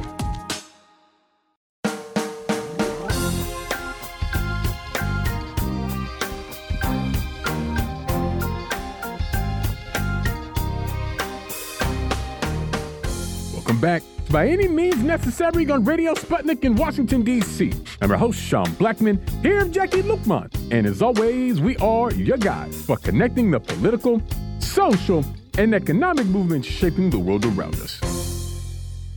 Phone lines are now open 202 521 1320. That's 2 02521 1320. Myself and Jacquie Luqman continue to be joined by Jon Jeter. And Jon, today is the last day of Black August for 2023. And tomorrow I'm very much looking forward to enjoying coffee and deep fried foods again. I, I gave those up this month. And, uh, you know, one thing for me, anyway, that I feel like I've uh, sort of really taken away as a lesson from Black August this year is uh, moderation and just sort of understanding uh, what your limits are and having balance and uh, uh, not indulging in things too much in a way that could be harmful uh, uh, for you. But I don't want to get too uh, philosophical. And I mean, just yesterday we published, folks might have heard, to mark uh Fred Hampton's birthday. We ran a 2020 uh, uh, interview that we did with Eddie Conway, uh, himself uh, a late Black Panther and former political prisoner, someone who walked out of prison uh, with his humanity intact. And if you if you had the pleasure of meeting the brother, then you felt that humanity and that humility and that kindness uh, uh, that he was sort of uh, exuding. But I mean, especially given what we're seeing unfolding in the African world, uh, the conditions of black folks here in this country, Jon. Uh, how are you seeing Black August 2023? Oh wow, I um, I you know I, I just feel like Black August is such a revelation for me in terms of my education. I spoke to some young men who had served time upstate in New York. Um, this was about 10 years ago. And they were telling me at this time that, um, and I, I, would assume it's still true, they were telling me that every year uh, on Black August, uh, the inmates, and they said most of the inmates, black and white, uh, in upstate New York prisons, um, have a hunger strike for a full day. And it's for Black August, it's for the Attica uprising. But that level of consciousness, which has been impressed impressed upon me gradually. I mean, I've never been. I, am you know, I've, I've always been conscious of being black. My father was a class warrior, even though he was only a high school graduate, a uh, auto worker, but very conscious man. And so I've never been oblivious to the history and the struggle and the pain of black people. But the raising of my consciousness and by the people who we celebrate during Black August, like Fred Hampton, like George Jackson, uh, I don't know. I just appreciated as I get older, sort of understanding, having this sort of clarity. And Black August is the is the embodiment of having that kind of understanding of the world, who I am and who my people are and how they've moved through it and how that movement has made it better. So I have a profound appreciation of Black August and of and of uh, what it means to my understanding and how it informs uh, my way forward in life. So uh, I guess like you, I did not give up coffee. Uh, I've tried to give up fried foods, but I did not give up coffee. I'm not sure I can do that even, but uh, I appreciate the fact that you understand, you know, change is not possible without sacrifice. And that, I think, is the lesson of Black August and something that um, really, really steadies me, I think. Yeah, you know, it's interesting that that we ran that um, that interview with Eddie Conway because I think that I had just uh, finished or or had just started. Maybe I'm not sure. I can't remember. Uh, doing segments uh, with the Real News Network, and and Eddie was one of my mentors. And uh, I tell this story often. I will always tell this story, especially in the context of Black August and training ourselves, as you pointed out, Sean, to to really engage in moderation uh, in in some of the things that we enjoy, but are, are not healthy for us, and they certainly don't advance uh, our revolutionary consciousness and activities. Like every day, I would go into the Real News Studios and I would catch the train. So there was a, a Dunkin' Donuts in the train station. So every day, I would get a cup of coffee and a donut. And one day, Eddie comes in. I was the first person in the studio. I come in, Eddie comes in And he saw me in the studio and he gives me, you know, the, the regular, you know, good to see you, Jacquie. And he looked at me and he he he walked by the conference room and then he came back. And he said, Are you eating a donut again? And I said, Well, yeah, this is what I he's and he that man with with the kind of love and concern that could only come from an elder who has been through some stuff. But he laid into me about what I was eating, what I was putting into my body, why that was terrible. And then he ended it with, because we need you, Jacquie. We need mm. your voice in this movement. We need sisters like you who are not afraid to tell the truth. So you can't, he literally said to me, you cannot afford to jeopardize your health, and you don't have the right to because you belong to the movement. You said you committed your life to the movement. And I, I just, at, at every time I talked to him after that moment, I always thanked him for that. We laughed about it then. Right. Because I'm like, you gonna beat me now? I mean, you know, am I in trouble? You're gonna get a uh, spanking? right. But he was serious about the commitment I had made to the work, and I'm getting emotional because I miss Eddie. You know, but he was absolutely right. And this Black August, particularly with, you know, the health issues that I'm facing that didn't have anything to do with the donuts, by the way, you know, the kidney. Um, and and just understanding how important it is for us to take care of ourselves and to look out for each other. I think it is so it, it just kind of all ki kind of came together this year, Jon. And and I wonder how you see the the uh, diasporic end of of Pan Africanism at the end of Black August, because I kind of feel like there is something happening here.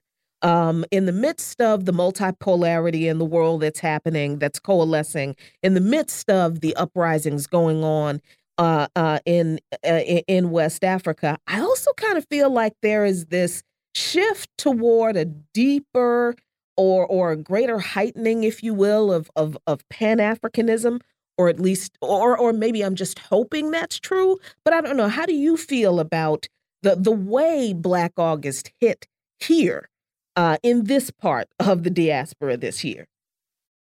Yeah, I've been thinking about this for a while, Jacquie, uh, and I'm trying to write a piece. Um, it's coming slow, but I'm starting to spit it out.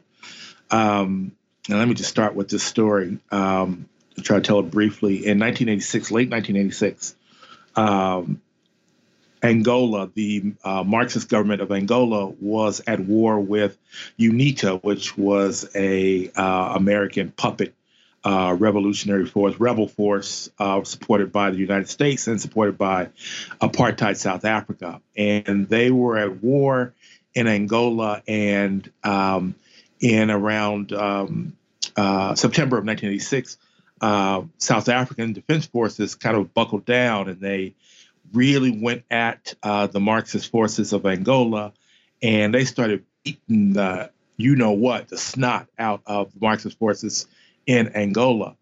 Um, and it looked like they were about to to win. They were going to really uh, uproot the Marxist forces and allow this puppet government of UNITA to take over, uh, this anti-communist government of UNITA to take over Angola. Fidel Castro, who was at that time trying to negotiate some kind of rapprochement with the United States, he understands this is happening because he's got some forces in uh, Angola. He's always had a uh, Cuba already always had a, a great relationship with Angola uh, since their revolution, and he sends uh, like thirty thousand troops, something like some ungodly number of troops, Cuban troops, many of them African, and that is that is deliberately, it is deliberate by uh, Fidel Castro. He wants Africans to go and defend Africa. And uh, to put too fine a point on it, they beat the snot out of apartheid South African Defense Force. I mean, beat them like they stole something, which they had. Um, and in, in effect, it what it does is it leads to the to the liberation of Namibia, which was also controlled by apartheid South Africa. Namibia is just north of South Africa. Um, but even more than that, and Nelson Mandela himself said this, it was the turning point in the anti-apartheid movement. This was 86, 87. Apartheid fell essentially three, three, four years later. Uh, and uh, Mandela says that the reason that this was the turning point is that people have given had given up hope on anti-apartheid. They didn't know, they weren't sure that that uh, South Africa, particularly, which was to the apartheid government was to the continent what the United States is to the world. They were the most powerful military, and they it was daunting to think about going up against them. And so the fact that Cuba had gone in there with a bunch of African soldiers and beaten the mess out of them had given this confidence to Africans everywhere, particularly Black South Africans.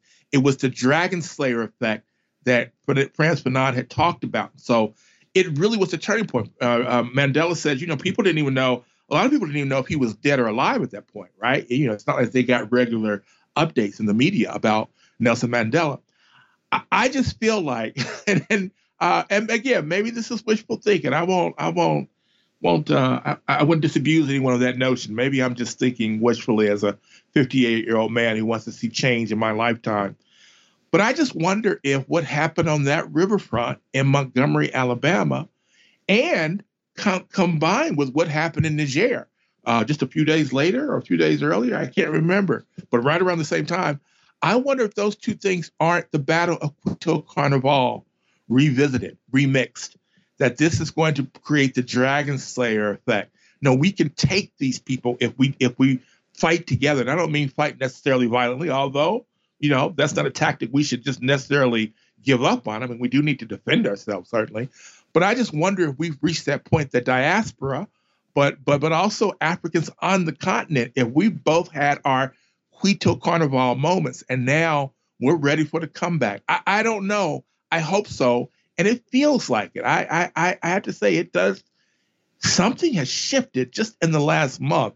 And it's been a long time coming, but it certainly feels like uh, if I may quote Sam Cooke, a change is going to come. Yeah, we've got a couple of callers on the line here. First up is Mick Haru. Tell us what's on your mind. Uh, uh, Sean, Jacquie, and uh, Jon, uh, uh, great show, and uh, certainly uh, appreciate uh, what you guys are doing in terms of just sending out the message and the word. Uh, Jon, um, this question specifically is to you, and um, uh, when the Supreme Court uh, made the uh, decision about uh, affirmative action, and just recently we had the 60th anniversary of the March on Washington, and I listened to it on uh, might have been C-SPAN or one of those stations, and um, there were all kinds of politicians and people talking about affirmative action, and what you said was good riddance they did us a favor. And what we really need to do is to organize and forge a new path. And uh, I just want you to speak to that because not only just that, in terms of what you just talked about, in terms of action, um, and I think we have the collective and intellectual resources to do that. Uh, I'll hang up after. All right. Well, thanks so much for calling in. Hope to hear from you again soon. Next up is Ingrid. Tell us what's on your mind. Oh, he's not going to answer that question first. Okay. I just wanted to ask your previous guest mentioned a, a protest at the French embassy on Saturday. I didn't catch it. Did she give the time when that was going to be? Oh, okay. Jacquie. Yeah, no, she did not. And thanks for uh, uh asking. It's from 10 a.m. to 2 p.m. Aha. Uh-huh. Thank you, Jacquie. You bet. Hope to see you there. All right, cool. Thanks for calling in, Ingrid. Hope to hear from you again soon. Uh, Jon, any response to our caller here? Yes, I, I appreciate the question. Um, so, uh, uh, just to take it back, you know, affirmative action was really uh, not something that was widely supported by the Black intelligentsia, the radical Black Power movement, uh, when it first became a policy proposal in the late 60s. You will find a hard time finding uh, any um, well known um, uh, civil rights leader or uh, labor leader who supported affirmative action. What we supported at that time, most of us, the, the leadership at least, uh, was a jobs program, a federal jobs program, which would have given a job to every single bodied uh, uh, adult who wanted a job, uh, able able-bodied adult who wanted a job, because we understood affirmative action as divisive. Uh, black Americans understood affirmative action as divisive, which is, of course, exactly what Richard Nixon wanted. Richard Nixon in particular, but I think the the entire ruling class as a whole, but certainly Richard Nixon. And so I think what we what we need, what I meant by good riddance to affirmative action, it had it has been the polarizing uh, force that Richard Nixon intended and it has driven a wedge through black and white workers. Uh, and what we need, I think, is a return to the kind of thinking that uh, that led us to a jobs program for everyone. I don't know that a jobs program for everyone now is the answer, right? It's uh, very much like uh, uh, Marx's theory of dialectic materialism. You can't dip your toe in the same river twice. And so we, you know, things have moved, things have changed, but the thinking, I think, you know, we just got to talking about Fred Hampton and Black August. But I think that there's some there is some traction to be found to be found, not just for black people, for everyone in, in the United States, to think about Fred Hampton's prescription for uh, uh, uh, uh um, a, a, a, a, an America in which everyone has power, every tribe has power over their community. Black power for black people, white power for white people, brown power for brown people, uh, X power for anyone left out, right? I think that's going to be the key. And so that's why I think affirmative action is just a distraction, right? What we really need, the people, right? Black people need some peace, white people need some peace, again, as Fred Hampton said. And I think the way that we do this by looking at our communities as they are, right? Saying, okay, we decide what's best for our community. Of course, there's got to be a sort of a, an overarching sort of framework for this, right? You can't have like, you know, uh, uh, you know, uh, one one set of rules for one community and another set of rules for the other community. But in terms of the schools, in terms of the economy, in terms of the the the, the how you're going to practice capitalism, if that is in, indeed what the people want, I think that we need to really think about this kind of system in which every community has uh, sovereignty, a, a, certain amount of sovereignty to live uh, and to affect their own self determination. Definitely. Going to move to another quick break on that note here on By Any Means Necessary on Radio Sputnik in Washington, D.C. We'll be right back, so please stay with us. By any means necessary.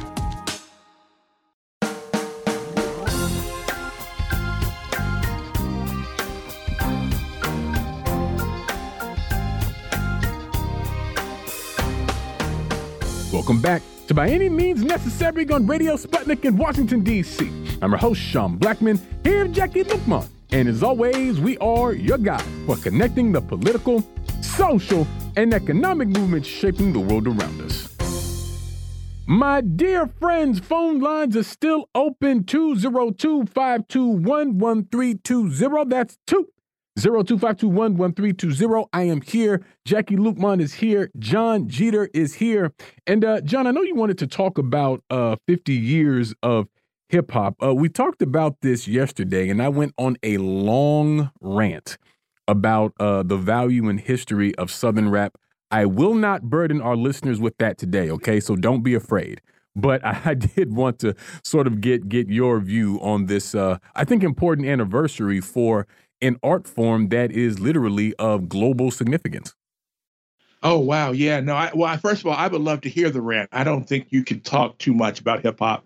Uh, I, I uh, um, on my own radio show uh, on WPFW here in Washington D.C., we interviewed some people, uh, a couple of brothers on Tuesday uh, about uh, the significance of hip hop. But I, I led off by talking about how it's the, the importance it's played, the role it's played in my life, how it's sort of been startling to see uh, the role that hip hop has played, how many lives it's affected, as Common would say. I hate to uh, quote Common, but he, he, he was a good rapper before he went to the dark side. Um, yeah. Uh, I, I start off by t- telling a story about when I first moved to South Africa in 1999. I think it was in uh, late 1999, and I heard uh, a story a village on on the Indian coast shoreline, a village called Umtata, which is the birthplace of Nelson Mandela. And it is a village; it's not even a town; it's a small place. But that there was a radio station, and there's a DJ there who had taken a playing um, uh, uh, uh, Tupac, and then he played Biggie. And then he have the listeners, mostly young blacks, call in and say, "Hey, which one do you like?" And so, um, you know, it, uh, it's it's it's funny, really, um, uh, in a way that there there developed this East Coast West Coast rivalry between the east side of Umtata and the west side of Umtata. And I, I didn't initially believe it, but I actually called the DJ and he said, no, it was true. And that in fact, it had no real violence had emerged, but there had been some scuffling between East Coast and West Coast uh, supporters in Umtata. And he had had to take to the radio station to say, take to the airway to say, hey, you guys cut it out, right? We're just having some fun, but let's not have any of that. So it wasn't a big deal. But I, I did get to the story. Something, a news story came up, I think, a flood in Mozambique. But I just thought about how amazing that was. And then a few years later, I moved to Argentina, which, of course, is the exact polar opposite of South Africa, in that it is 97% white. Uh, and anyone who's ever been there wonders if, that's, if that number is not too low. And I was doing a story about how the how the neoliberal changes to the economy had um, uh, made Buenos Aires, in particular, uh, this all-white city, basically start to resemble, in some ways, uh, Detroit or North Philadelphia or Southeast DC. Um, and they were seeing, you know, uh, um, more more households headed by single families, more alcohol and drug abuse, uh, little youth, you know, who had no jobs, who weren't in school.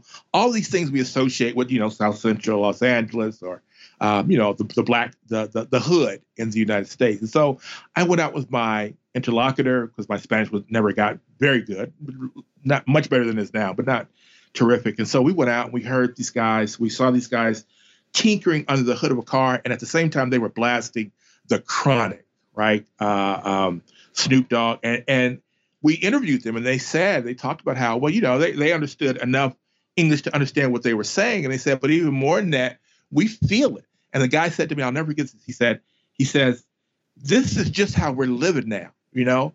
Uh, and, and so that it just it just really struck me that this is you know this is the art form other than jazz that has emerged from the United States. Or what?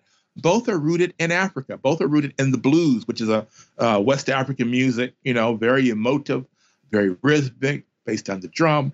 And hip hop is every much the art form. And why is it an art form? Because art, we're told by a variety of sources, art makes us feel less alone in the world. And so wherever you find suffering, particularly wherever you find oppressed people, wherever you find people who are being oppressed by another class, uh, be they white, be they be they women who are oppressed by men, you will find that there is a appreciation of hip hop. And I just I just find that so extraordinary. You know, we don't talk about it in those ways. We talk about hip hop. We've always the, the, the dominant culture has always talked about hip hop as problematic. Um, and of course, we don't talk about the exploitation that has been um, uh, at the core of hip hop in terms of once again white wealth, white capital exploiting black artists. Um, but it is it is an art form. It does make us feel less alone in the world, and that's true everywhere. The Roma people love hip hop, and the British love hip hop, and Argentines and Venezuelans, and I just find that extraordinary because you can't really say that about anything else uh, that comes from America. Possibly jazz, but I don't even think jazz uh, surpasses hip hop at this point in our lives, and um, that's just an extraordinary thing to think about. Just again, how many lives hip hop has affected. Yeah, and you know, you, you mentioned the Chronic, and I was saying yesterday because we were talking about our top five albums, and, and that's one of mine. But but I have another question. Uh, and, and a friend of mine actually asked me this uh, the other day. He asked me if I could rap like anybody, if I could pick one rapper to rap, and I mean talking about sound exactly like them, who would it be? And that's an interesting question and uh, I don't want to put you on the spot, Jon. I do have my answer, but I want y'all to uh, uh, go first. Do if you could wake up tomorrow and sound like any rapper, Jon, who would it be? Well, I, I have to ask you though. Does that does that is that absent lyrics? In other words, am I rapping? Is it mm. is it hmm. just the the the, the my delivery. skills as an MC, or is it combined with my?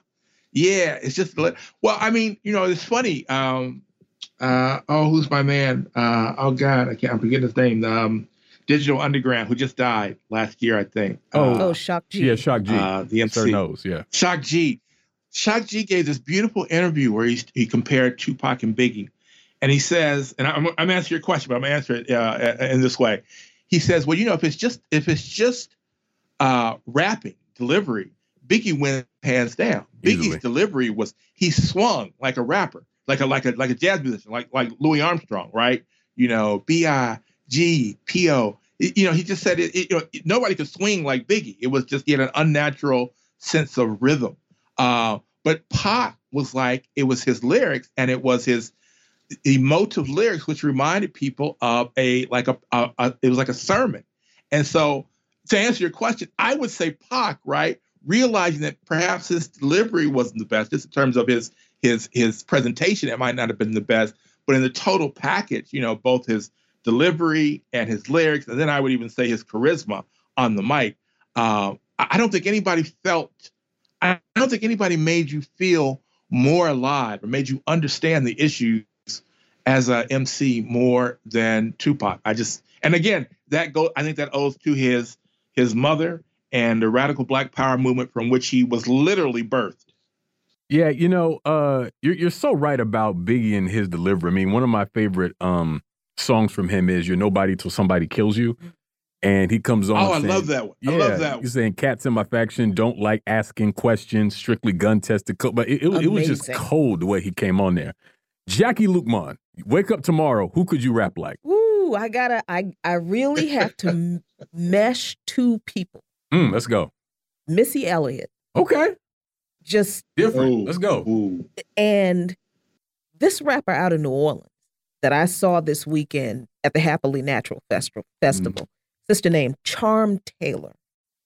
Her flow, her energy, and her lyricism was scary good. I mean, my aunt is deaf, and she was like, "Who is she?" and she's up dancing, and and and it's that kind of and and that represents to me Missy Elliott with the creativity, the wordplay, um, the the and and the way she was able to to translate that visually into her videos. And, and it, it's like she didn't even need to do it because all you had to do was listen to her lyrics and you could see it. I mean, she was very, very uh, uh, emotive with her lyrics. But Charm Taylor represents to me like that that early 90s era of gritty, right from the streets hip hop, but with that really deep down home southern kind of and I didn't even think about that when you know when I was watching her but I'm like yo that is that is you know the the golden era of hip hop vibe with a really cool gritty southern grimy kind of urgency and and yeah I, I would I would if I could wake up tomorrow and and be a rapper it'd be a combination of those two You said Missy Elliott. I'm gonna say something here. Missy Elliott is who y'all think Lizzo is. ooh ooh come on now You feel me? And here's the big difference. Now, let me say this now, because I think Lizzo undoubtedly is a talented person. She can play instruments while performing, she can rap, she can dance. Uh, seems to have some HR issues here. but I think that's actually an outgrowth of the fact that she, like a lot of modern artists, have a manufactured image. And so I think maybe uh, some of the seams of that are starting to come off. But the difference with Missy Elliott is not only was she just deeply talented, not only did she bring something so different to rap, it felt very genuine to her. Like you believe the, the things that she was talking about. Now here she was, um, a bigger, dark-skinned woman with a short finger wave who who dressed masculine in in the uh, early part of her career. You know, she she dressed like uh the dudes with the uh baseball jerseys and the the long pants and all of that. But she had this very there was this sort of clear and unashamed sexuality that ran through her music. It wasn't raunchy, but she wasn't shy about nothing either. And so she she really was uh, uh something different. Of course, she was a, a collaborator with uh Da Brat, uh, another someone who I really don't think gets their due as a rapper. We we know who Da Brat is, but like she can really spit. Like you go back to that Funkdafied album, she's really she's really rapping on there. You know what I'm saying? And uh, and also wanted to say, Jon, that I definitely feel you in terms of uh uh Pac because what Pac could do, and this speaks to what Shock G was saying, like you could just feel what Pac was saying.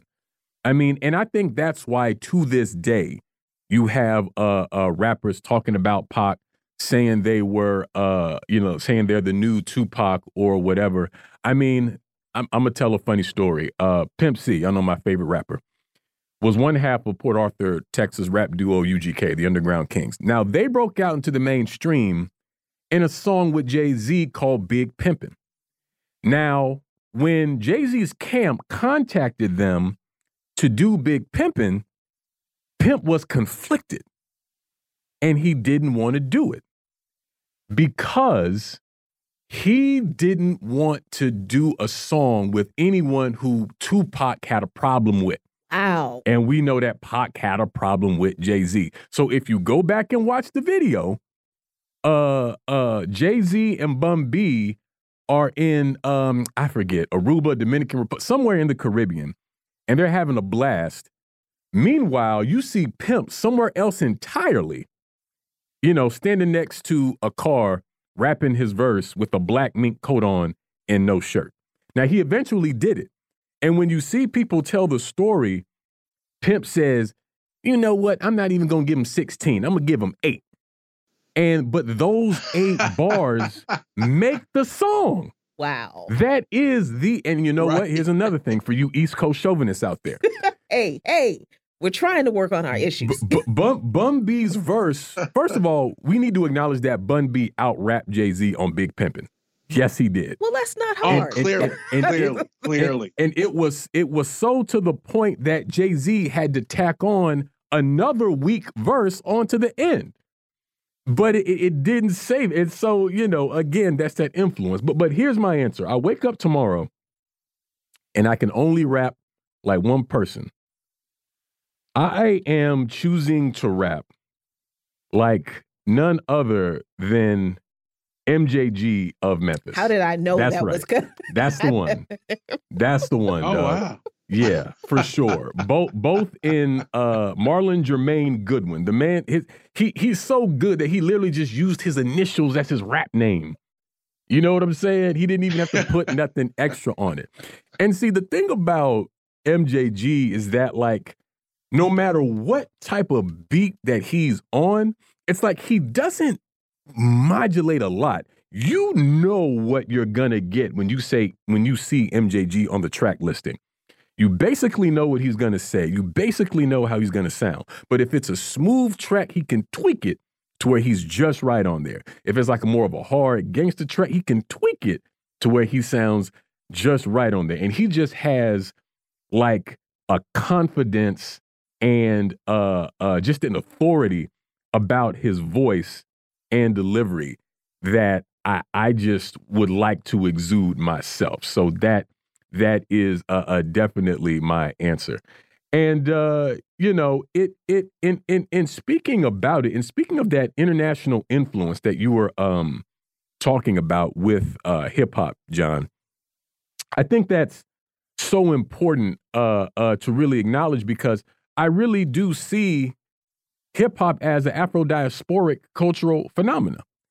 And it is just so wild to see people in every language, in every country, uh, rapping in their own way. And then, you know, they're making, not only are they making their music, you know, they're, they're engaging in other aspects of hip hop culture. They're battle rapping, they're, they're break dancing, they're doing uh, uh, graffiti art and, and things like that. And so I think your comparison to jazz is apt because jazz is really some of the first uh the first American cultural product that like was to really get exported because since America is this amalgamation of people who came here under different contexts, you know, a lot of people say there's no such thing as uh, American culture, but really much of what we call American culture at its base is black culture.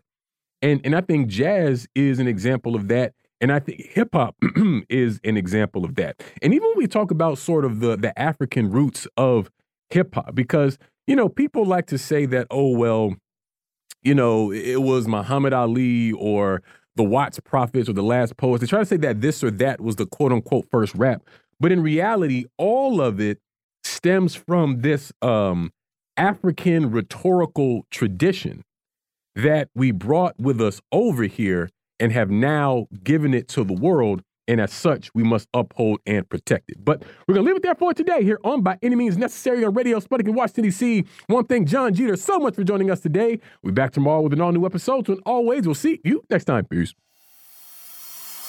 By any means necessary.